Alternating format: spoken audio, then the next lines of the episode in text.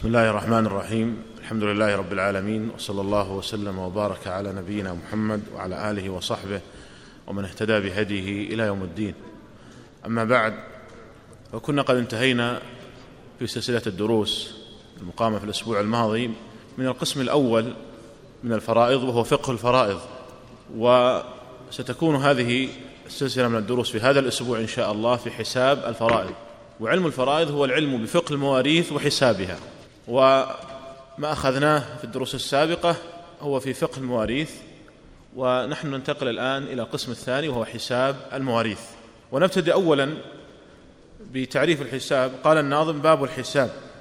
الحساب يطلق في اللغة على العد والإحصاء. يطلق في اللغة على العد والإحصاء. ومنه قول الله تعالى وكفى بنا حاسبين أي محصين للأعمال ومجازين عليها. وفي الاصطلاح العام قواعد وأصول يتوصل بها إلى استخراج المجهولات العددية كالجمع والطرح والضرب والقسمة. وأما الحساب في اصطلاح الفرضيين فهو تأصيل المسائل وتصحيحها ومسائل وصور مما سيأتي بيانه إن شاء الله. قال الناظم وإن ترد معرفة الحساب لتهتدي فيه إلى الصواب وتعرف القسمة والتفصيل وتعلم التصحيح والتأصيل. فاستخرج الأصول في المسائل. بدأ الناظم الكلام عن الأصول. لكن لا بد قبل أن ندخل في التأصيل أن نعرف النسب الأربع. النسب الأربع تدخل معنا في جميع الأبواب. كما ترون الآن في شاشة العرض النسب الأربع. ما المقصود بالنسب الأربع؟ النسب الأربع هي المماثلة والمداخلة والمباينة والموافقة. لا بد من فهمها وضبطها ومعرفة يعني كيفية التعامل بها. وهناك بعض الطرق الحديثة في الحساب والرياضيات مضاعف المشترك البسيط القاسم المشترك الأكبر لكنها في الحقيقة لا تغني عن النسب الأربع لأن هناك بعض المسائل لا بد فيها من استخدام النسب الأربع كما في باب المفقود والحمل كما سنبين إن شاء الله. وحينئذ تستطيع أن تستغني بالنسب الأربع عن أي شيء آخر. لكن القاسم المشترك والمضاعف المشترك البسيط آه، لا تستغني بهما عن النسب الأربع. ولهذا سيكون تعاملنا بهذه النسب الأربع. فما المقصود بها؟ إحنا قلنا هي أربعة مماثلة ومداخلة ومباينة وموافقة. أي عددين لا بد أن تكون النسبة بينهما واحدة من هذه النسب الأربع. نبدأ اولا بالمماثلة. المماثلة هي تساوي العددين في المقدار.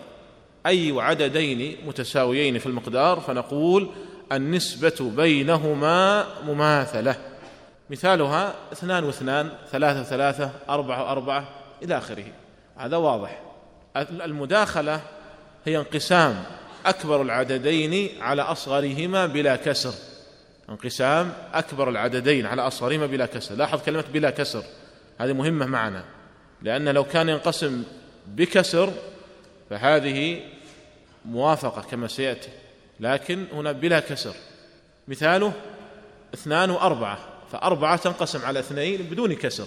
ثلاثة وستة تنقسم على اثنين بدون كسر. ستة تقبل قسم على ثلاثة بدون كسر. ها من يعطينا مثال غير ما ذكرنا؟ نعم. نعم. ثلاثة وتسعة تسعة تنقسم على ثلاثة بدون كسر. لا لا أعطنا أعداد نحن في الأعداد فقط. ثمانية ثمانية تنقسم على أربعة بدون كسر وهكذا. طيب ننتقل للمباينة. المباينة معناها ألا يتفق العددان بجزء من الأجزاء بل يختلفان. ليس بينهما أي اتفاق. كما في المثال أمامكم خمسة وستة أو مثلا ستة وسبعة أو سبعة وتسعة.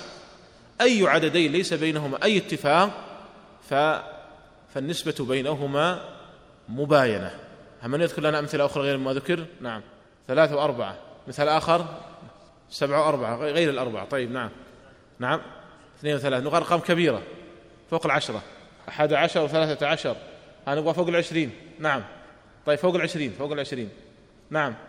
واحد وعشرين اثنين وعشرين. أحسنت. طيب عندنا قاعدة كل عددين متواليين فهما متباينان. هذه قاعدة مضطردة.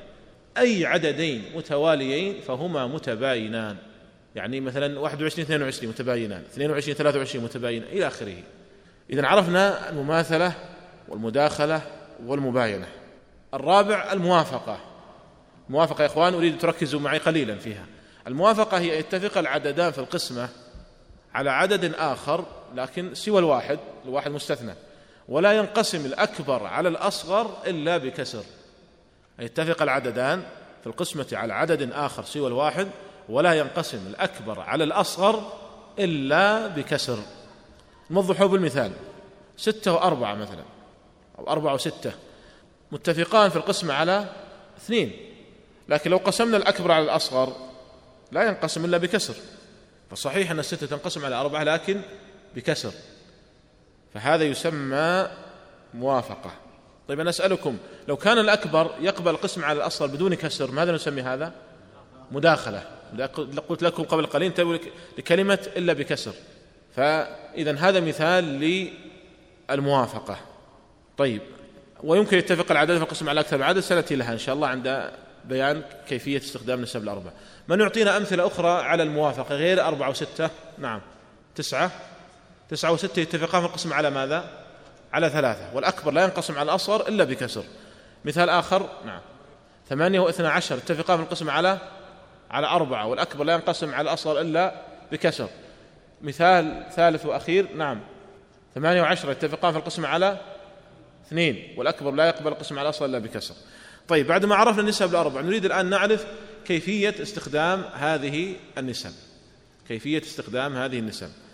أما المماثلة إذا كان بين العددين مماثلة فيكتفى بأحدهما. يعني اثنين واثنين نكتفي باثنين. ثلاثة وثلاثة نكتفي بثلاثة. أربعة وأربعة نكتفي بأربعة هذا واضح. أما المداخلة إذا كان بين العددين مداخلة فيكتفى بالأكبر منهما. يكتفى بالأكبر منهما. مثال ذلك ستة وثلاثة نكتفي بالستة. عشرة وخمسة نكتفي بالعشرة. ثمانية وأربعة نكتفي بالثمانية. عند التعامل مع العددين. أما بالنسبة للمباينة فالقاعدة أنه إذا كان بين العددين مباينة يضرب أحدهما في الآخر. يضرب أحدهما في الآخر. مثاله اثنان وثلاثة بينهما مباينة.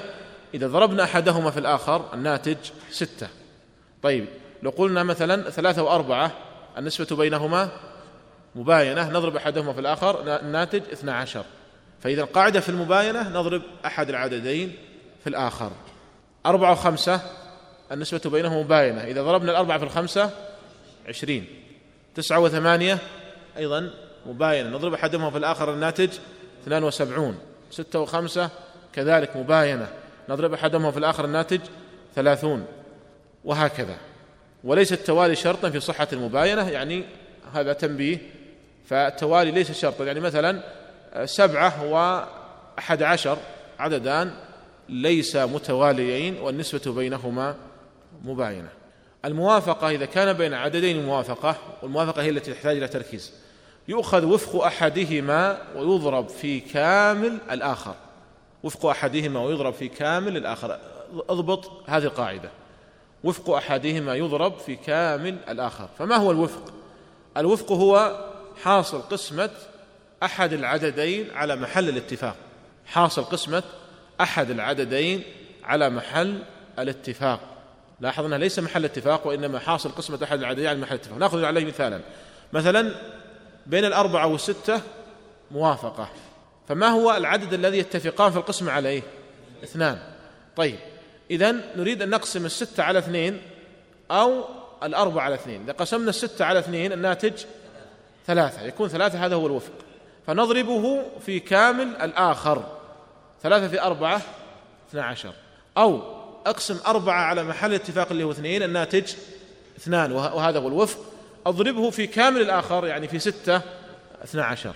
عرفتم الآن عندنا مثلا أربعة وستة كيف نتعامل بنسبة الموافقة بين هذين العددين؟ نأخذ وفق أحدهما ونضربه في كامل الآخر. كيف نستخرج الوفق؟ الوفق ليس محل اتفاق. الوفق هو العدد هو الناتج ناتج قسمة أحد العددين على محل الاتفاق. يعني محل الاتفاق هنا في هذا المثال اثنان. ستة تقسيم اثنين ثلاثة أضربها في أربعة اثنى عشر. أو قل أربعة أقسم على محل اتفاق اثنين. أربعة على اثنين اثنين أضربها في ستة اثنى عشر. فهذه هي الموافقة وأكثر ما يقع الخطأ في الموافقة. أكثر ما يقع الخطأ بالنسبة لل يعني المتعلمين الفرائض في الموافقة. فانتبهوا لهذا اضبطوها يا أخوان من الآن. إذا ضبطتها من الآن يعني ترتاح. لكن إذا أتينا فيما بعد شرحنا مناسخات شرحنا مسائل أخرى لا تقل كيف كيف خرجت هذه النتيجة. فأنت أضبطها من الآن. الموافقة إذا كان بين العددين موافقة فخذ وفق أحدهما واضربه في كامل الآخر. في كامل الآخر واضح. وفق أحدهما هو الناتج من قسمة أحد العددين على محل الاتفاق.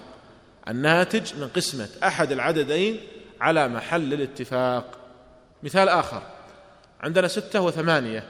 النسبة بينهما موافقة. طيب ما هو محل الاتفاق؟ محل الاتفاق لا. اثنين. محل الاتفاق هو اثنان.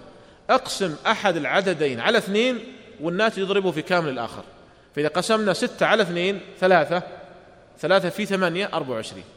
أو قل ثمانية على محل الاتفاق الذي هو اثنين أربعة. أضربه في ستة أربعة وعشرين. فهذه هي الموافقة ولعلها إن شاء الله تثبت أكثر في فيما يأتي من الأمثلة. طيب إذا كان بين العددين موافقة وكان محل الاتفاق أكثر من عدد فإن القاعدة أنه يؤخذ الأكبر. مثلا كما في هذا المثال الموجود أمامكم شاشة العرض ثمانية واثنى عشر. فعندنا أكثر من محل اتفاق. عندنا اثنان وعندنا أربعة. فنأخذ الأكبر اللي هو أربعة. وما يؤخذ في ذلك يسمى حاصل النظر.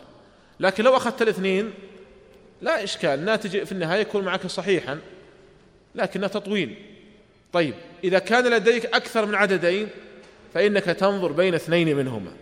وحاصل النظر تنظر به مع العدد الثالث حاصل النظر تنظر به مع الرابع وهكذا. طيب ويصح أخذ الأصغر يعني فيما قلنا في محل الاتفاق قبل قليل يصح أخذ الأصغر يفترض محله قبل هذا لكنه مفضول. يعني الناتج في النهاية يكون صحيح لو أخذت محل اتفاق اثنين مع فيه يعني محل اتفاق أربعة. لكن النتيجة في النهاية تكون صحيحة النتيجة النهاية تكون صحيحة. فلو كان عندنا مثلا اثنان وأربعة وستة نريد أن ننظر بالنسب الأربع بين هذه الأرقام. فعندنا بين اثنين وأربعة مداخلة. إذا القاعدة في المداخلة تقول نكتفي بالأكبر. طيب الآن لا ننظر الاثنين ننظر فقط أربعة. ثم ينحصر النظر بين أربعة وستة. بين أربعة وستة موافقة. وقبل قليل استخرجنا بين أربعة وستة قلنا أنهما يتفقان في القسم على اثنين. ونقسم أحد العددين على اثنين والناتج نضربه في كامل الآخر يعني أربعة تقسيم اثنين اثنين في ستة اثنى عشر أو ستة تقسيم اثنين ثلاثة في أربعة اثنى عشر فالنتيجة واحدة. مثال آخر عندنا اثنان وخمسة وأربعة واثنى عشر فاثنان وأربعة مداخلة فنكتفي بالأكبر. إذا بدل اثنين وأربعة خلاص نكتفي بواحد منهما وهو أربعة. طيب أربعة وخمسة بينهما موافقة. مباينة بين أربعة وخمسة مباينة. فنضرب أحدهما في الآخر فالناتج أربعة في خمسة كم؟ عشرين. طيب إذا انحصر النظر الآن بين عشرين واثني عشر. النسبة بينهما موافقة. يتفقان في القسمة على اثنين وعلى أربعة. فنأخذ الأكبر اللي هو أربعة. فنقول عشرين تقسيم أربعة كم؟ خمسة في اثني عشر ستين. أو قل اثنى عشر على أربعة كم؟ ثلاثة. ثلاثة في عشرين ستين. فهكذا يكون النظر بين الأعداد. لك أن تعكس لك تأخذ أن تأخذ من الأخير 12 وأربعة مثلا تقول مداخلة تكتفي بالأكبر. و12 وخمسة مباينة. فنضرب 12 في 65 و60 و2 مداخلة. يسوغ هذا يعني. لك أن تبدأ من الأول من الوسط من الأخير. فإذا هذه تسمى طيب نأخذ مثال آخر. اثنان وخمسة وستة وخمسة عشر وأربعين. اثنان وخمسة مباينة. نضرب أحدهما في الآخر كم؟ عشرة. طيب. ثم ننظر بين ستة وعشرة موافقة. يتفقان القسم على اثنين. ستة على اثنين ثلاثة. ثلاثة في عشرة ثلاثين. ثم ننظر بين ثلاثين وخمسة عشر مداخلة. نكتفي بالثلاثين. طيب. حاصل النظر إذا ثلاثين وأربعين. ثلاثين وأربعين موافقة. يتفقان في القسم على أكثر من رقم. نأخذ الأكبر وهو عشرة. فنقسم ثلاثين على عشرة ثلاثة في أربعين مئة وعشرين. أو أربعين على عشرة أربعة في ثلاثين مئة وعشرين. فهذه تسمى بالنسب الأربع. ولعلها إن شاء الله يأتي لها يعني أمثلة فيما بعد. لكن هذه القواعد لهذه النسب الأربعة طيب هذه لا بد منها كما قلنا تدخل تدخل في جميع الأبواب. ننتقل بعد ذلك إلى التأصيل وهو الذي قد بدأ به الناظم. قال فاستخرج الأصول في المسائل ولا تكن عن حفظهن بذاهل ولا تكن عن حفظها بذاهل فاستخرج الأصول في المسائل ولا تكن عن حفظها بذاهل فإنهن سبعة أصول ثلاثة منهن قد تعول. طيب آه، التأصيل معناه في اللغة التأسيس ووضع الأصل. والأصل هو ما يبنى عليه غيره. الأصل ما يبنى عليه غيره. هذا معناه في اللغة. ومعناه في الاصطلاح تحصيل أقل عدد يخرج منه فرض المسألة أو فروضها بلا كسر. تحصيل أقل عدد يخرج منه فرض المسألة أو فروضها بلا كسر. وأصل المسألة هو أقل عدد يخرج منه فرض المسألة أو فروضها بلا كسر. وأصول المسائل الناظم اختصر وذكر لنا القسم الثالث. اولا نقول أصول مسائل العصبة غير محصورة. لأن مسألتهم من عدد رؤوسهم. مسألتهم من عدد رؤوسهم. فأصولهم غير محصورة. يعني مثلا هالك عن أربعة أبناء أصلها أربع خمسة أبناء أصلها خمسة. عشرة أبناء أصلها عشرة. تسعة أبناء أصلها تسع فهي غير محصورة إذن. أما أصول مسائل أصحاب الفروض فإنها محصورة وتنقسم إلى قسمين. أصول متفق عليها وأصول مختلف فيها.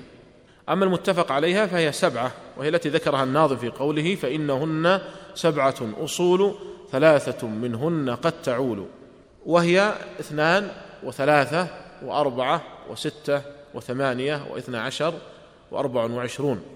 في هذا قاعدة وضعها بعض العلماء قال الاثنان وضعفها وضعف ضعفها والثلاثة وضعفها وضعف ضعفها وضعف ضعف ضعفها.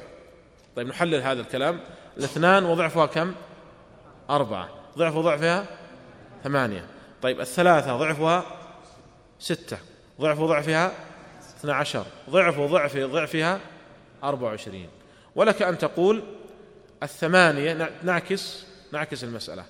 الثمانية ونصفها ونصف نصفها والأربع وعشرون ونصفها ونصف نصفها ونصف نصف نصفها. نحلل هذا الكلام. الثمانية ونصفها كم؟ أربعة. نصف نصفها اثنان. أربع وعشرين نصفها اثنا عشر نصف نصفها ستة نصف نصف نصفها ثلاثة. يعني هذه لأجل ضبطها. هناك أصول مختلف فيها لم يذكرها الناظم آه، وهي ثمانية عشر وست وثلاثون. وسبب الخلاف فيها هو الخلاف في ميراث الإخوة مع الجد. والباب الذي يوجدان فيه باب ميراث الإخوة مع الجد على القول بتوريث الإخوة مع الجد.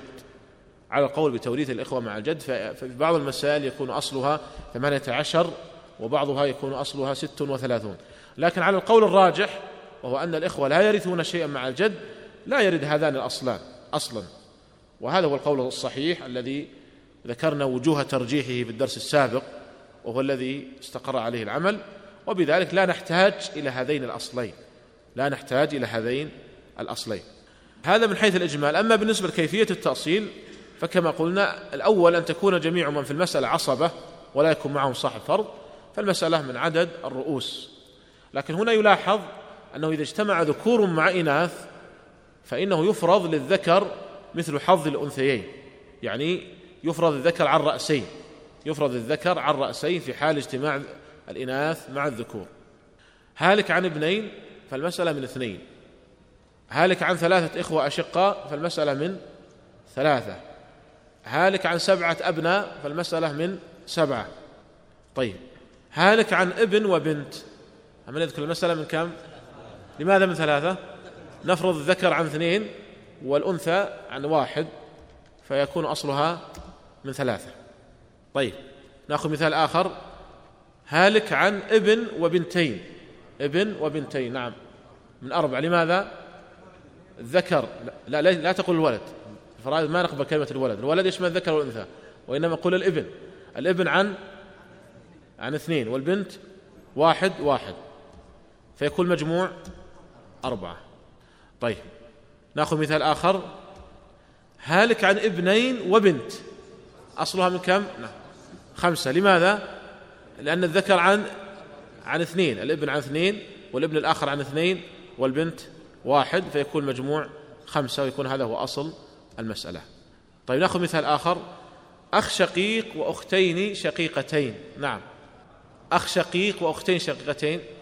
لماذا أربعة؟ لأن الأخ عن اثنين والأختين عن اثنين. فيكون أصل المسألة أربعة. طيب إذا هذه واضحة أنه إذا كان لم يكن عندنا إلا عصبة فالمسألة من عدد الرؤوس لكن مع ملاحظة أن الذكر يفرض عن رأسين في حال اجتماع الإناث مع الذكور. طيب الحالة الثانية أن يكون في المسألة صاحب فرض واحد. لاحظ كلمة واحد صاحب فرض واحد فقط. فالقاعدة أن أصل المسألة يكون من مقام ذلك الفرض. من مقام ذلك الفرض. لأن عندنا كسور بسط ومقام. البسط هو الرقم في الأعلى والمقام الرقم في الأسفل. فيكون أصل المسألة من من مقام ذلك الفرض. فنأخذ لهذا أمثلة. هالك عن أم وأب. أولا نريد قسمة المسألة قبل تأصيلها. الأم؟ آه سدس توافقون أخاكم؟ ثلث انتبه. الأم إما الثلث وإما السدس فهنا تأخذ الثلث تأخذ الثلث. والأب؟ الباقي. طيب الآن عندنا فرض واحد فقط. القاعدة تقول إن أصل المسألة من مقام ذلك الفرض. كم مقام الفرض عندنا؟ ثلاثة. فيكون أصل المسألة إذا يكون أصل المسألة ثلاثة. طيب ثلث الثلاثة واحد والباقي اثنان. والباقي اثنان. هكذا يكون التأصيل. طيب نأخذ مثالا آخر. هالك عن زوج وابن. زوج وابن. نريد قسمة المسألة أولا. نعم. الزوج له الربع والابن. طيب عندنا الآن ربع وباقي. فعندنا فرض واحد. القاعدة تقول إذا لم يكن هناك إلا فرض واحد فأصل المسألة يكون من مقام ذلك الفرض. كم مقام الفرض؟ أربعة. إذا يكون الأصل أصل المسألة من أربعة. طيب. كم يكون ربع الأربعة؟ واحد. والباقي؟ ثلاثة. يكون الزوج له الربع واحد والابن الباقي ثلاثة. طيب. نأخذ مثالا آخر. هالك عن جدة وأخ شقيق. نريد أولا قسمة المسألة. نعم أخ قسمة المسألة. أنت أنت ما حضرت معنا؟ قسمة المسألة ما سهلة. جدة وأخ شقيق. نعم الجدة السدس والأخ الشقيق الباقي.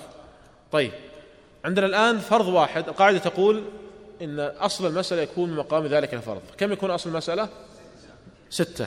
طيب سدس ستة واحد والباقي خمسة. مثال آخر. هالك عن زوجة وابن. نريد قسمة المسألة؟ نعم. واحد منكم نعم واحد. نعم تفضل. الزوجة؟ ها ثمن ولا ربع؟ الثمن. طيب والابن؟ الباقي. أحسنت. طيب أصل المسألة؟ أصل المسألة من ثمانية الثمن واحد والباقي سبعة.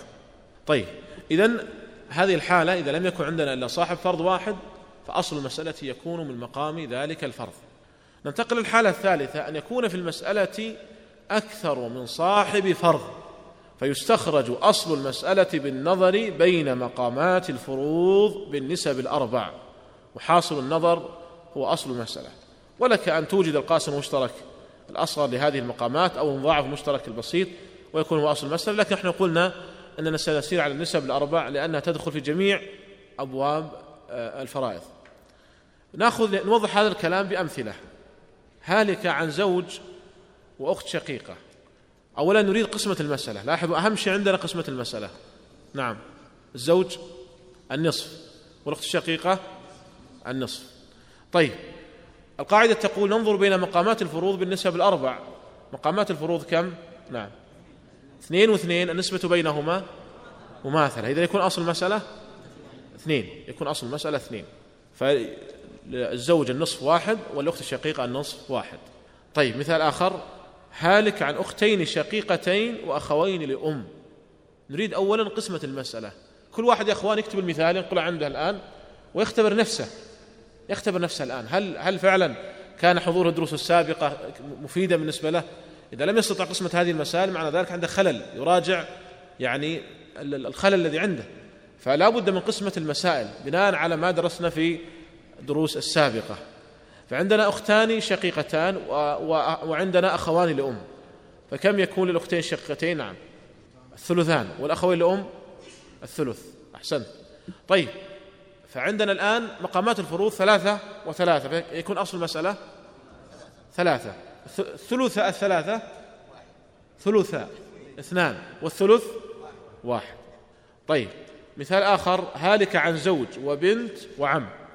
من يقسمها لنا أولا؟ أولا قسمة أهم شيء عندنا قسمة. نعم. الزوج الربع والنصف لماذا؟ لوجود الفرع الوارث. أحسنت. طيب. والبنت؟ النصف. والعم؟ الباقي. عندنا الآن مقامات الفروض. أربعة واثنين. النسبة بينهما. النسبة بينهما إيش؟ مداخلة. القاعدة في المداخلة أن نكتفي بالأكبر الذي هو أربعة. فيكون أربعة إذن هو أصل المسألة. يكون أربعة هو أصل المسألة. ربع الأربعة واحد. ونصف الأربعة اثنان. والباقي واحد. هكذا يكون التأصيل. نأخذ مثالا آخر. هالكة عن زوج وأم وعم. زوج وأم وعم. نريد أولا قسمة المسألة. نعم. الزوج الزوج النصف.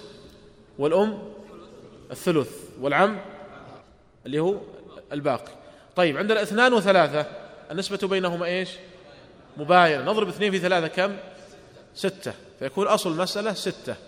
طيب نصف الستة ثلاثة وثلث الستة اثنان والباقي واحد. طيب هالك عن زوج وأم وابن. زوج وأم وابن. نعم.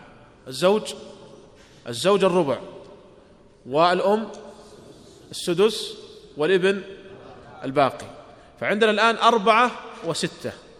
أربعة وستة. النسبة بينهما موافقة. موافقة. نسبة بينهم موافقة. طيب القاعدة تقول في الموافقة خذ وفق أحدهما واضربه في كامل الآخر. الأربعة والستة يتفقان في القسم على اثنين. إذا أربعة تقسيم اثنين. اثنين في ستة اثنى عشر أو قل ستة تقسيم اثنين ثلاثة في أربعة اثنى عشر نفس النتيجة. فيكون أصل المسألة هو اثنى عشر دائما خذوا قاعدة. إذا وجد في مسألة ربع وسدس فأصلها من اثني عشر. دائما. ولذلك المتمرس في الفرائض يعرفها تلقائيا. دائما إذا وجدت في مسألة ربع وسدس فأصلها من اثني عشر وأشار إلى هذا الناظم كما سنرجع له بعد ما بعد قليل. طيب نأخذ مثالا آخر. هالك عن زوجة وجدة وابن. زوجة وجدة وابن. كل واحد يا إخوان ينقل المثال ويختبر نفسه. زوجة وجدة وابن. نعم. أنت نعم. الزوجة كم؟ الثمن. والجدة السدس والابن؟ الباقي. طيب عندنا الآن ثمانية وستة. النسبة بينهما موافقة. يتفقان في القسمة على اثنين. طيب ثمانية تقسيم اثنين أربعة في ستة أربعة وعشرين. أو ستة تقسيم اثنين ثلاثة في ثمانية أربعة وعشرين. إذا يكون أصل المسألة أربعة وعشرون. طيب ثمن الأربعة وعشرين ثلاثة. دائما ثمن الأربعة وعشرين يعني أربعة وعشرين تقسيم ثمانية ثلاثة. طيب سدس الأربعة وعشرين يعني أربعة وعشرين تقسيم ستة أربعة. والباقي سبعة عشر. الباقي سبعة عشر. هكذا يكون تأصيل المسألة. نأخذ مثالا آخر. هالك عن زوجة وأم وأب وبنت. الزوجة الثمن والأم السدس. طيب والبنت النصف والأب السدس زائد الباقي. وإن شئت قلت الباقي؟ طيب عندنا الآن ثمانية وستة واثنين. ننظر بين هذه الأعداد بالنسب الأربع. طبعا ثمانية واثنين مداخلة لكن الآن حصل النظر بين ثمانية وستة. قلت قبل قلنا قبل قليل ثمانية وستة موافقة.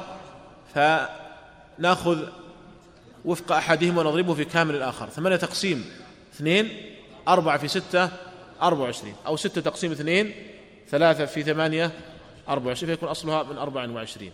ثمن الأربعة وعشرين كم؟ ثلاثة. وسدس الأربعة وعشرين أربعة ونصف الأربعة وعشرين اثنا عشر والباقي خمسة. طيب نأخذ مثالا آخر هالك عن زوج وأم وأب وإبن. زوج وأم وأب وإبن. ها. الزوج الربع والأم السدس طيب و والأب السدس أيضا والإبن الباقي.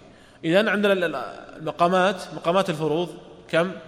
أربعة وستة وستة. ستة وستة مماثلة. إذا أربعة وستة. أربعة وستة أخذناها قبل قليل قلنا 12 موافقة والناتجة 12 ربع الاثنى عشر ثلاثة والسدس اثنان والسدس اثنان والباقي خمسة. نعم. نعم. إذا إذا كان الفرع ذكر إذا كان الفرع الوارث ذكر السدس فقط. أما إذا كان الفرع الوارث أنثى فالسدس والباقي إن وجد. يصح ما في إشكال. في المسألة الماضية كان خمسة يا شيخ. نعم. خمسة. يعني السدس وزيادة. صحيح. ولو كتبنا الباقي. ممكن ممكن يكتب يعني ممكن يكتب الباقي وهي تؤدي نفس النتيجة. لكن الأدق في العبارة الأدق أن تقول السدس والباقي. الأفضل ومؤداهما واحد. مؤدى يعني العبارتين واحد. نعم. لا أب وأم. الأم تأخذ الثلث والباقي للأب. إذا فقط ما وجد إلا أب وأم. هذه مذكورة في القرآن. فإن لم يكن له ولد وورثه أبواه فلأمه الثلث.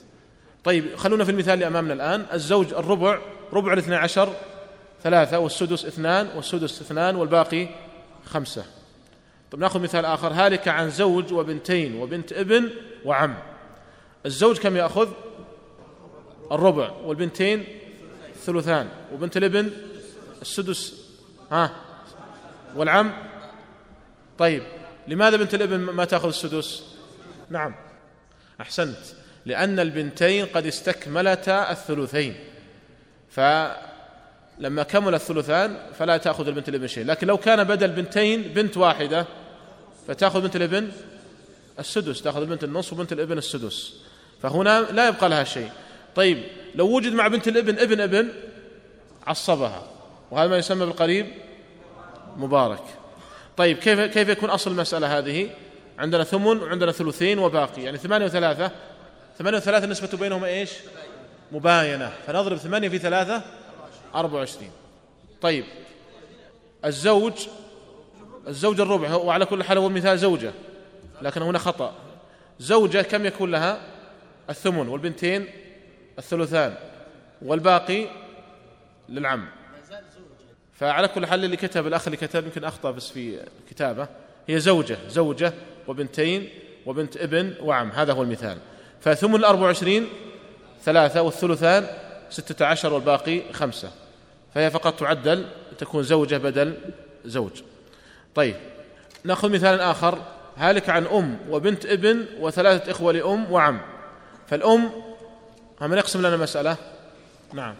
الأم الأم لها السدس. طيب وأنت الابن؟ النصف. والإخوة لأم؟ ها يا أخوان. واحد واحد يجيب. الإخوة لأم؟ محجوبين؟ أحسنت. طيب والعم؟ الباقي. فعندنا الآن سدس ونصف. سدس ونصف. ستة واثنين. النسبة بينهم إيش؟ مداخلة. نكتفي بالأكبر اللي هو ستة. يكون أصل المسألة من ستة. سدس الستة واحد والنصف ثلاثة والباقي اثنان. طيب.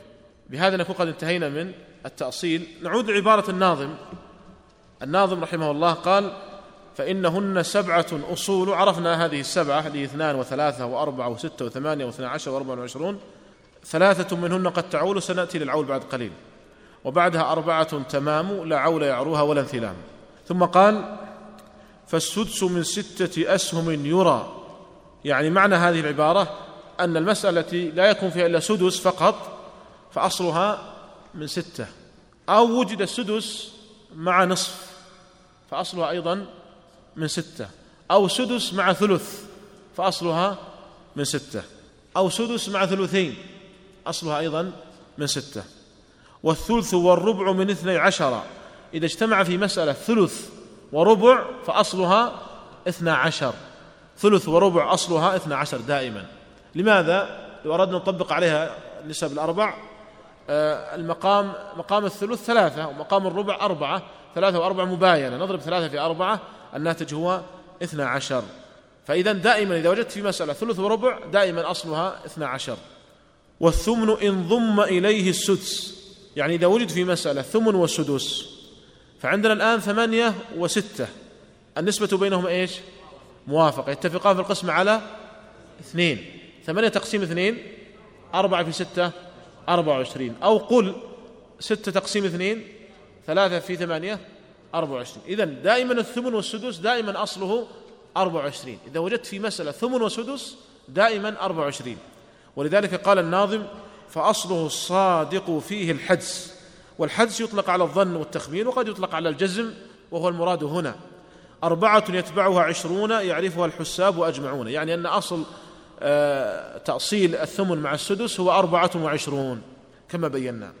فهذه الثلاثة الأصول إن كثرت فروضها تعول. يعني هي ستة واثنى عشر وأربع وعشرين. ونقلنا المؤلف الآن للعول. فننتقل للعول.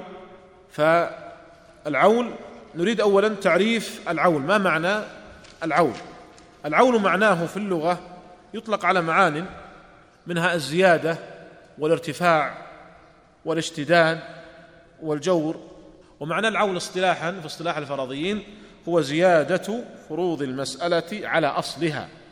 زيادة فروض المسألة على أصلها. فمثلا زوج وأختين شقيقتين. من أقسمها لنا؟ زوج وأختان شقيقتان. الزوج كم؟ النصف. والأختان شقيقتان؟ ثلثان. طيب. نصف وثلثين. النصف مقامها اثنان والثلثان مقامها ثلاثة. إذا يكون أصلا من ستة. نصف ستة كم؟ ثلاثة. والثلثان ثلثان أربعة. طيب لو أعطينا لو أعطينا الزوج النصفين ما بقي للأختين إلا النصف. ولو أعطينا الأختين الثلثين ما بقي للزوج إلا الثلث. فهنا هنا نلاحظ الآن ازدحاما. ازدحاما في المسألة. نصف وثلثين. إذا أخذ الزوج النصف كاملا لم يبقى للأختين الثلثان وإنما بقي لهما النصف. ولو بدأنا بالثلثين وأعطينا الثلثين بدأنا بالأختين وأعطيناهم الثلثين حقهما كاملا ما بقي للزوج النصف وإنما بقي له الثلث. فحصل الآن عندنا ازدحام في المسألة. فما هو الحل لهذه الإشكالية؟ هذه لم تقع في عهد النبي صلى الله عليه وسلم ولا في عهد أبي بكر الصديق وإنما وقعت أول ما وقعت في عهد عمر رضي الله عنه. فلما وقعت في عهد عمر وقعت هذه المسألة بالذات. زوج وأختان لغير أم يعني شقيقتان أو لأب. فقال عمر رضي الله عنه فرض الله للزوج النصف وفرض للأختين الثلثين. فإن بدأت بالزوج لم يبق للأختين حقهما وإن بدأت بالأختين لم يبق للزوج حقه. وكان من عادة عمر رضي الله عنه أن يستشير الصحابة ومن استشار فإنه في الغالب يوفق. من استشار ففي الغالب يوفق للصواب. فكان عمر رضي الله عنه يستشير الصحابة وهذا يدلنا على أهمية الاجتهاد الجماعي وأنه أقرب إلى التوفيق وإصابة الحق من الاجتهاد الفردي. فاستشار عمر رضي الله عنه عددا من فقهاء الصحابة فأشاروا عليه بالعون قياسا على حقوق الغرماء إذا ضاقت التركة عنها. فإن لو كان رجل مثلا توفي وعنده عشرة آلاف ريال ويطلبه دائنان كل منهم يطلب عشرة آلاف ريال. أن أعطى هذا الدائن الأول عشرة آلاف ريال لم يبقى للدائن الثاني شيء. وإن بدأ بالدائن الثاني لم يبقى للدائن الأول شيء. فما هو الحل؟ نقسم العشرة آلاف نعطي هذا خمسة آلاف ونعطي هذا خمسة آلاف.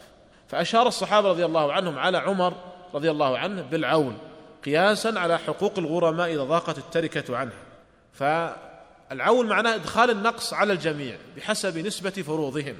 فيعرفه العلماء بأنه زيادة فروض المسألة على أصلها أو الزيادة في السهام والنقص في الأنصبة. الزيادة في السهام والنقص في الأنصبة. ولم يظهر مخالف في زمن عمر رضي الله عنه لكن بعد وفاة عمر أظهر ابن عباس رضي الله عنهما خلافه. وقال الموفق بن قدامة ولا نعلم اليوم قائلا بمذهب ابن عباس رضي الله عنهما ولا نعلم خلافا بين فقهاء العصر في القول بالعول بحمد الله ومنته. فانعقد الإجماع يعني قول ابن عباس رضي الله عنهما قيل إنه لم يقل به أحد يعني بعد أو قال بعدد قليل ثم يعني هذا القول مات بموت صاحبه رضي الله عنه وأرضاه. ولذلك فنقول إن الإجماع قد انعقد على العون فعندنا هذه المسألة التي هي أول مسألة وقعت الزوج له النصف والاختان الثلثان عندما نريد تأصيلها يكون أصلها من ستة؟ فنصف الستة كم؟ ثلاثة والثلثان أربعة. طيب ثلاثة زائد أربعة سبعة. يعني الزوج الآن أدخلنا عليه النقص والأختين أدخلنا عليهم النقص. كيف هذا؟ الزوج بدل ما يأخذ النصف والنصف ثلاثة من ستة أصبح يأخذ ثلاثة من سبعة. ثلاثة من سبعة أقل من ثلاثة من ستة. والأختان بدل ما تأخذان أربعة من ستة أصبحت بعد العول تأخذان أربعة من سبعة. فأدخلنا النقص على الجميع. أدخلنا النقص على الزوج وأدخلنا النقص على الأختين. هذا معنى العول ولذلك فإن العول يخرج معك تلقائيا. إذا ضبطت تأصيل المسألة وضبطت يعني كم يأخذ كم سهام كل فرض يخرج معك العول تلقائيا. فدائما لو لو أنك مثلا ما تعرف العول قلت المسألة أصلها من ستة نصف ستة ثلاثة والثلثان أربعة. اجمع ثلاثة وأربعة يخرج معك العول تلقائيا يكون سبعة. والمسائل أو الأصول التي تعول هي التي ذكرها الناظم في قوله هذه الثلاثة الأصول يعني بها ستة واثنى عشر وأربع وعشرون. لا يعول من الأصول إلا هذه الثلاثة فقط. الستة تعول أربع مرات. الستة تعول أربع مرات. ولهذا قال الناظم فتبلغ الستة عقد العشرة. فهي تعول إلى سبعة وإلى ثمانية وإلى تسعة وإلى عشرة. هذا المثال الآن لعولها إلى ستة.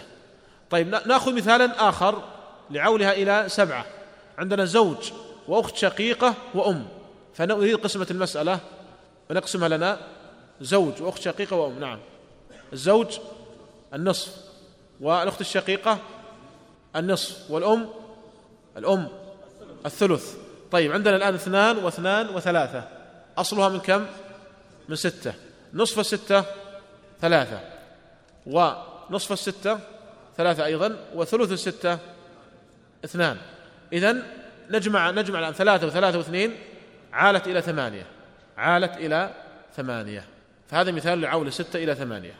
آه كما قلنا ابن عباس رضي الله عنهما لا يقول بالعول لكنه قلنا قيل له فماذا تقول يا ابن عباس؟ قال أقول يقدم من قدمه الله ويؤخر من أخره الله. وعنده أن من ينتقل من فرض إلى فرض هو المقدم. ومن ينتقل من فرض إلى لا شيء فهو المؤخر. فعنده أن نعطي الزوج فرضه النصف كاملا والأم الثلث كاملا والأختين الشقيقتين الباقي. لكن كما قلنا انعقد الإجماع قبل ابن عباس وبعد ابن عباس رضي الله عنهما. طيب نأخذ مثالا آخر. هالك عن أم وأختين شقيقتين وأختين لأم. فنريد قسمة المسألة. أم وأختين شقيقتين وأختين لأم من يقسمها لنا؟ الأم سدس. طيب والأختان الشقيقتان؟ نعم. الثلثان والأختان لأم؟ الثلث. طيب عندنا أصول المسائل مقامات الفروض ستة وثلاثة وثلاثة. فيكون أصلها ستة. يكون أصلها ستة كما شرحنا. طيب سدس الستة كم؟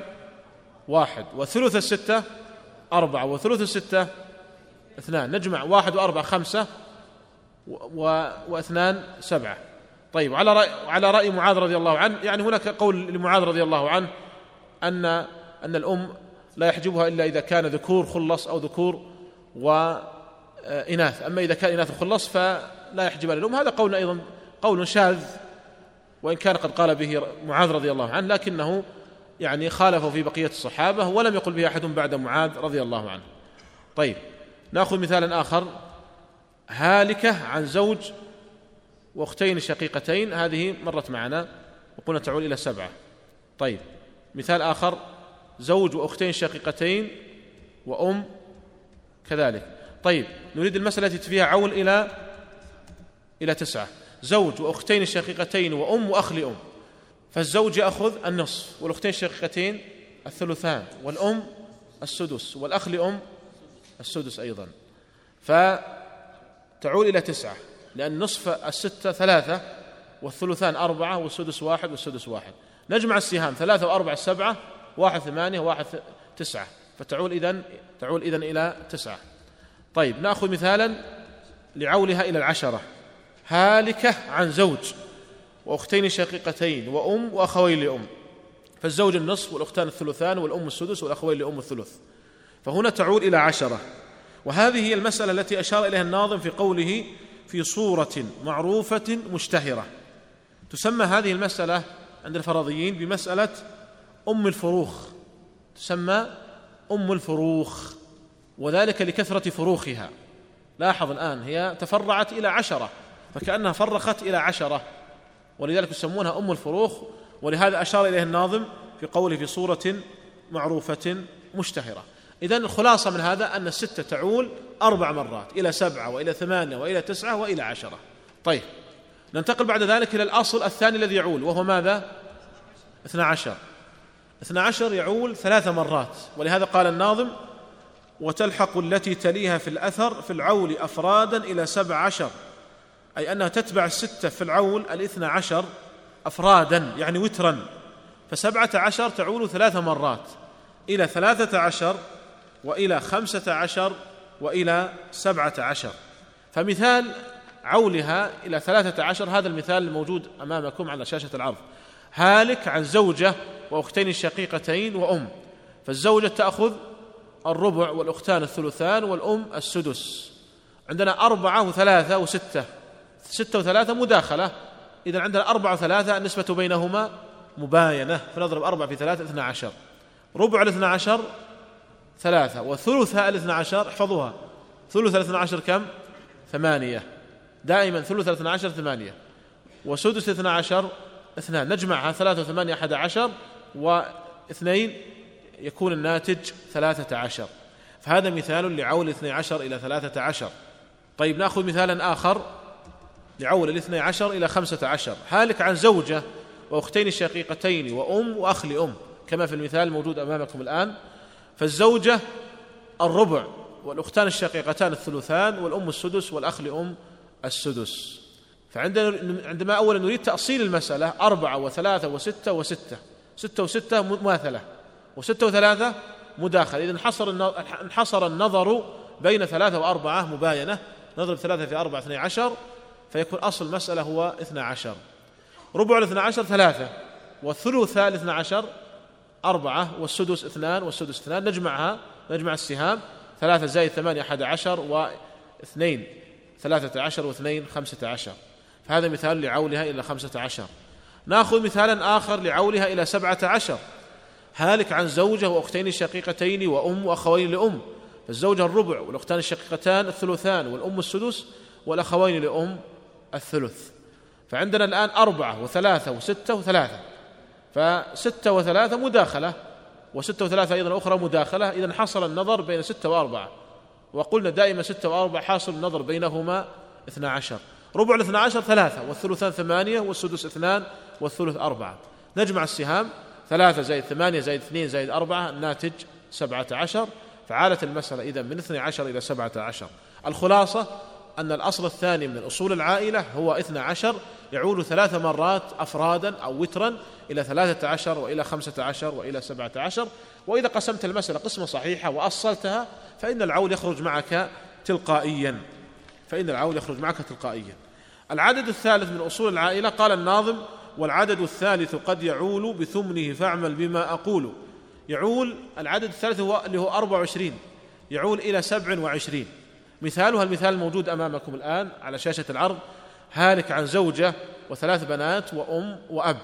فالزوجة لها الثمن والبنات الثلثان والأم السدس والأب الباقي والسدس والباقي إن وجد. وهنا ننظر الآن. الزوجة الثمن ثمانية وثلاثة وستة وستة. طيب ستة وثلاثة مداخلة. إذا حصل النظر بين بين حصل النظر بين ستة وثمانية. وقلنا قبل قليل دائما إذا وجدت ستة وثمانية فالناتج أربعة وعشرين. ثمن الأربعة وعشرين ثلاثة ثلث الأربعة وعشرين ستة عشر وسدس الأربعة وعشرين أربعة وسدس الأربعة وعشرين أربعة. هل يبقى شيء؟ للأب هل يبقى شيء بعد السدس؟ ما يبقى شيء. ولذلك نقول قلنا السدس والباقي إن وجد فلا يبقى له شيء. إذا جمعنا السهام ثلاثة زائد ستة عشر زائد أربعة زائد أربعة الناتج أربعة وعشرين. ولذلك يسمى أصل أربعة وعشرين بالبخيل لقلة عوله. لقلة عوله. لا يعول إلا إلى سبع وعشرين فقط. لا يعول إلا إلى سبع وعشرين فقط. فإذا هذه هي الأصول العائلة. هذه الأصول العائلة. إذا خلاصة الأصول العائلة هي ثلاثة أصول. ستة وتعول أربع مرات إلى سبعة وثمانية وتسعة وعشرة واثنى عشر ويعول ثلاث مرات إلى ثلاثة عشر وخمسة عشر وسبعة عشر وأربع وعشرين ويعول مرة واحدة إلى سبع وعشرين. ثم قال الناظم والنصف والباقي أو النصفان أصلهما في حكمهم اثنان. يريد الناظم بهذا أن النصف وما بقي فيكون أصلها اثنان. يعني مسألة فيها نصف وباقي يكون أصلها اثنان. يعني زوج مثلا وعم. يعني نصف وباقي أصلها اثنان. وهكذا نصف ونصف أصلها اثنان. هذا معنى قول الناظم والنصف والباقي. يعني مسألة فيها نصف وباقي. أو نصف ونصف أو ن... ف... فيكون النصفان أصلهما اثنان. والثلث من ثلاثة يكون يعني المسألة لا يكون فيها إلا ثلث فقط. أم وأب. فالأم الثلث والباقي الأب أصلها من ثلاثة. أو ثلثان وثلث أصلها من ثلاثة. ثم قال والربع من أربعة مسنون. إذا لم يوجد إلا ربع فقط يكون أصلها من أربعة. أو ربع معه نصف أصلها من أربعة. وقوله مسنون أي طريقة متبعة مذكورة عند أهل الحساب. والثمن إن كان فمن ثمانية مراده أن الثمن إذا وجد إذا وجد وحده أو وجد مع النصف فأصل المسألة من ثمانية. فهذه هي الأصول الثانية. يريد بذلك أن سبق تقسيم الأصول إلى أصول لا تعول وإلى أصول آه، آه، تعول. لا يدخل العول فيها يعني هذه الأصول الثانية لا يدخل العول فيها وهي البقية. فنحن قلنا ثلاثة ونحن آه، قلنا أن الأصول العائلة هي ثلاثة أصول ستة واثنى عشر وأربع وعشرين. ما عداها أصول لا تعول ولذلك قال الناظم لا يدخل العول عليها فاعلمي ثم اسلك التصحيح فيها واقسمه والتصحيح سيأتي الكلام عنه إن شاء الله بدرس مستقل. وإن تكن من أصلها تصح فترك تطويل الحساب ربح. يعني إذا كانت المسألة منقسمة فلا نحتاج إلى التأصيل. كما في مسألة هالكة عن زوج وثلاثة أبناء. كيف نقسمها؟ زوج وثلاثة أبناء نعم. الزوج الربع والأبناء الباقي أصلها من كم؟ من أربعة. ربع الأربعة واحد والباقي ثلاثة. ثلاثة سهام لثلاثة أبناء. منقسمة لكل واحد واحد. ففي مثل هذه المسألة لا نحتاج للتصحيح. لا نحتاج للتصحيح. وهذا معنى قول الناظم وإن تكن من أصلها تصح فترك تطويل الحساب ربح ربح فأعطي كلا سهمه من أصلها. ففي ثلاثة أبناء نعطي كل واحد سهما مكملا أو عائلا من عولة إلا إذا كانت عائلة فيدخل عليه النقص. إذا كانت عائلة يدخل عليه آه، النقص. وبهذا نكون قد انتهينا من التأصيل ومن العول ونقف عند التصحيح سوف نشرحه إن شاء الله في الدرس القادم. عندنا قسم بعض الفرضيين الأصول في العول إلى أربعة أقسام.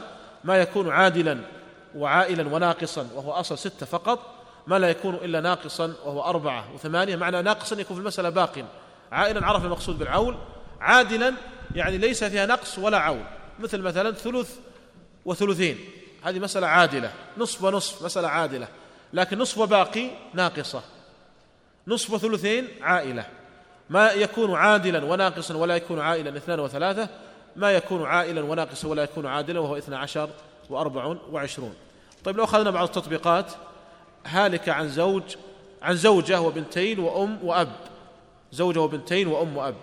زوجة كم تأخذ الزوجة؟ الثمن والبنتان الثلثان والأم السدس والباقي السدس والباقي الأب, الأب السدس والباقي إن وجد المسألة من أربع وعشرين الثمن ثلاثة والثلثان ستة عشر والسدس أربعة والسدس أيضا أربعة. هذه المسألة يسميها الفرضيون بالمسألة المنبرية بالمسألة المنبرية. وسميت بالمنبرية لأن علي بن أبي طالب رضي الله عنه سئل عنها عندما جاء ليخطب الناس الجمعة على المنبر فقبل دخوله سألته امرأة قالت يا أمير المؤمنين ما تقول في زوجة وبنتين وأم وأب؟ فصعد المنبر فحمد الله وأثنى عليه قال قال في خطبته الحمد لله الذي يحكم بالحق قطعا ويجزي كل نفس بما تسعى وإليه المآب والرجعى صار ثمن المرأة تسعى. ومضى في خطبته. صار ثمن المرأة تسعى. المخاطبين يعرفون معنى هذا الكلام. يعرفون المقصود صار ثمن المرأة تسعى. والسائل يعرف الجواب. ثمن المرأة تسعى. يعني في هذه المسألة المسؤول عنها ربما أن السائل سأل والناس يسمعون فأجاب على المنبر صار ثمن المرأة تسعى. كيف صار ثمن المرأة تسعى؟ ننظر مثال الآن. عندنا الآن الزوجة الثمن فهي أخذت ثمن التركة. طيب لكنها لم لم ينالها إلا التسع. لماذا؟ لأنها لا تأخذ ثلاثة من 24 ثلاثة من 24 هو الثمن. فأصبحت بعد العول تأخذ ثلاثة من 27 ثلاثة من 27 تعادل تسع التركة. هذا معنى قوله صار ثمن المرأة تسعى وهذا يدل على قوة البلاغة عند علي رضي الله عنه. والعرب معروفين بقوة البلاغة. ولهذا هذه الكلمة التي ربما لا تصل لنصف سطر أجاب فيها عن هذه المسألة وفهم السائل وفهم الحاضرون مراده. لكن نحن الآن نشرح ونحلل الآن كلمة كلام علي رضي الله عنه. فهذه المسألة تعرف عند الفرضيين بالمسألة المنبرية. طيب هذه المسألة التي أمامكم الآن على الشاشة يسميها بعضهم بمسألة أم الفروخ سبقا شرحناها وبين المقصود بها وهي قلنا أنها مسألة أم آه، الفروخ. المسألة الآن موجودة أمامكم على شاشة العرض. ثلاث زوجات وجدتين وأربع أخوات لأم وثمان أخوات شقائق أو لأب. هذه يسمونها المسألة الدينارية الصغرى. الدينارية الصغرى. فقسمتها كما ترون للزوجات الربع والجدتين السدس والأخوات لأم الثلث والأخوات الشقاق أو الثلثان. تعول إلى سبعة عشر. سميت بالدينارية الصغرى. يقولون لأننا لو فرضنا أن التركة سبعة عشر دينارا فلكل واحدة في هذه المسألة دينار واحد. فالثلاث زوجات لهن كم؟ ثلاثة. لكل واحدة دينار واحد. الجدتان لهن لهما اثنان لكل واحدة دينار واحد. الأخوات لأم أربعة لكل أخت لأم دينار واحد. الأخوات الشقائق ثمانية لكل أخت شقيقة دينار واحد. وهذه يسمونها الدينارية الصغرى وهناك مسألة الدينارية الكبرى التي تأتينا إن شاء الله بعد التصحيح. هذه المسألة لعلها الأخيرة نختم بها درسنا. المسألة التي تسمى المسألة المروانية لحدوثها في زمن مروان بن الحكم. لحدوثها في زمن مروان بن الحكم وتسمى بالغرة لأن حدثت بعد المباهلة واشتهر بها العول وقسمتها أمامكم الزوج له النصف والأختان الثلثان وولد الأم يعني أختان لأم أو أخوان لأم الثلث تعول إلى تسعة. ونكتفي بهذا القدر والله أعلم وصلى الله وسلم على نبينا محمد. طيب نجي عما تيسر من الأسئلة. يقول إذا كان هناك موافقة نضرب نصف أحدهما في كامل نضرب وفق وليس نصف أحدهما. وفق أحدهما في كامل الآخر. من لم يذكر مداخلة مبين واستخدم عملية توحيد المقامات. هناك عدة طرق هناك عدة طرق في الحقيقة لكن المقصود أن أن النتيجة تكون مضطردة لأن بعض الطرق قد تصح في بعض المسائل ولا تصح في مسائل أخرى. هذا الأخ يقول لو أعطيت الطلاب مسائل يحلونها في المنزل على كل حال المسائل التي عرضناها أمامكم كثيرة يمكن كتابتها والتدرب عليها. يقول ما الهدف من ربط شرحكم المتن مع أنكم تشيرون إليه باختصار بعد الطرح للموضوع كاملا؟ وشرتم إلى غير مرة عدم إلى عدم جودة ترتيبه لا سيما مع كثرة الضمائر في المتن تجعله غير واضح. على كل حال هو مقرر في الدورة شرح هذا المتن ولا بد من شرحه ما دام أنه مقرر. في الأصل هو شرح الرحبية. يعني كان الأخ السائل يقول لماذا لا يكون الشرح بدون الارتباط ب آه، يعني نظم الرحبية؟ لكن على كل حال ما دام أنه مقرر ثم أيضا فيها فوائد خاصة فيما يتعلق ب آه، الأول فقه الفرائض الرحبيه قد تكون أكثر فائدة فيه من الحساب. فهي لا تخلو من فائدة والربط بالنظم يعني مكمل للفائدة. هل العمة ترث؟ العمة من ذوي الأرحام ليست من الوارثات من النساء. ألا يمكن أن تعول 12 إلى 19 على رأي معاذ؟ نعم لو تبعنا رأي معاذ رضي الله عنه فيمكن لأن معاذ رضي الله عنه آه، يرى أن الأم آه، لا يحجبها الإناث آه، الخلص والله أعلم وصلى الله وسلم على نبينا محمد.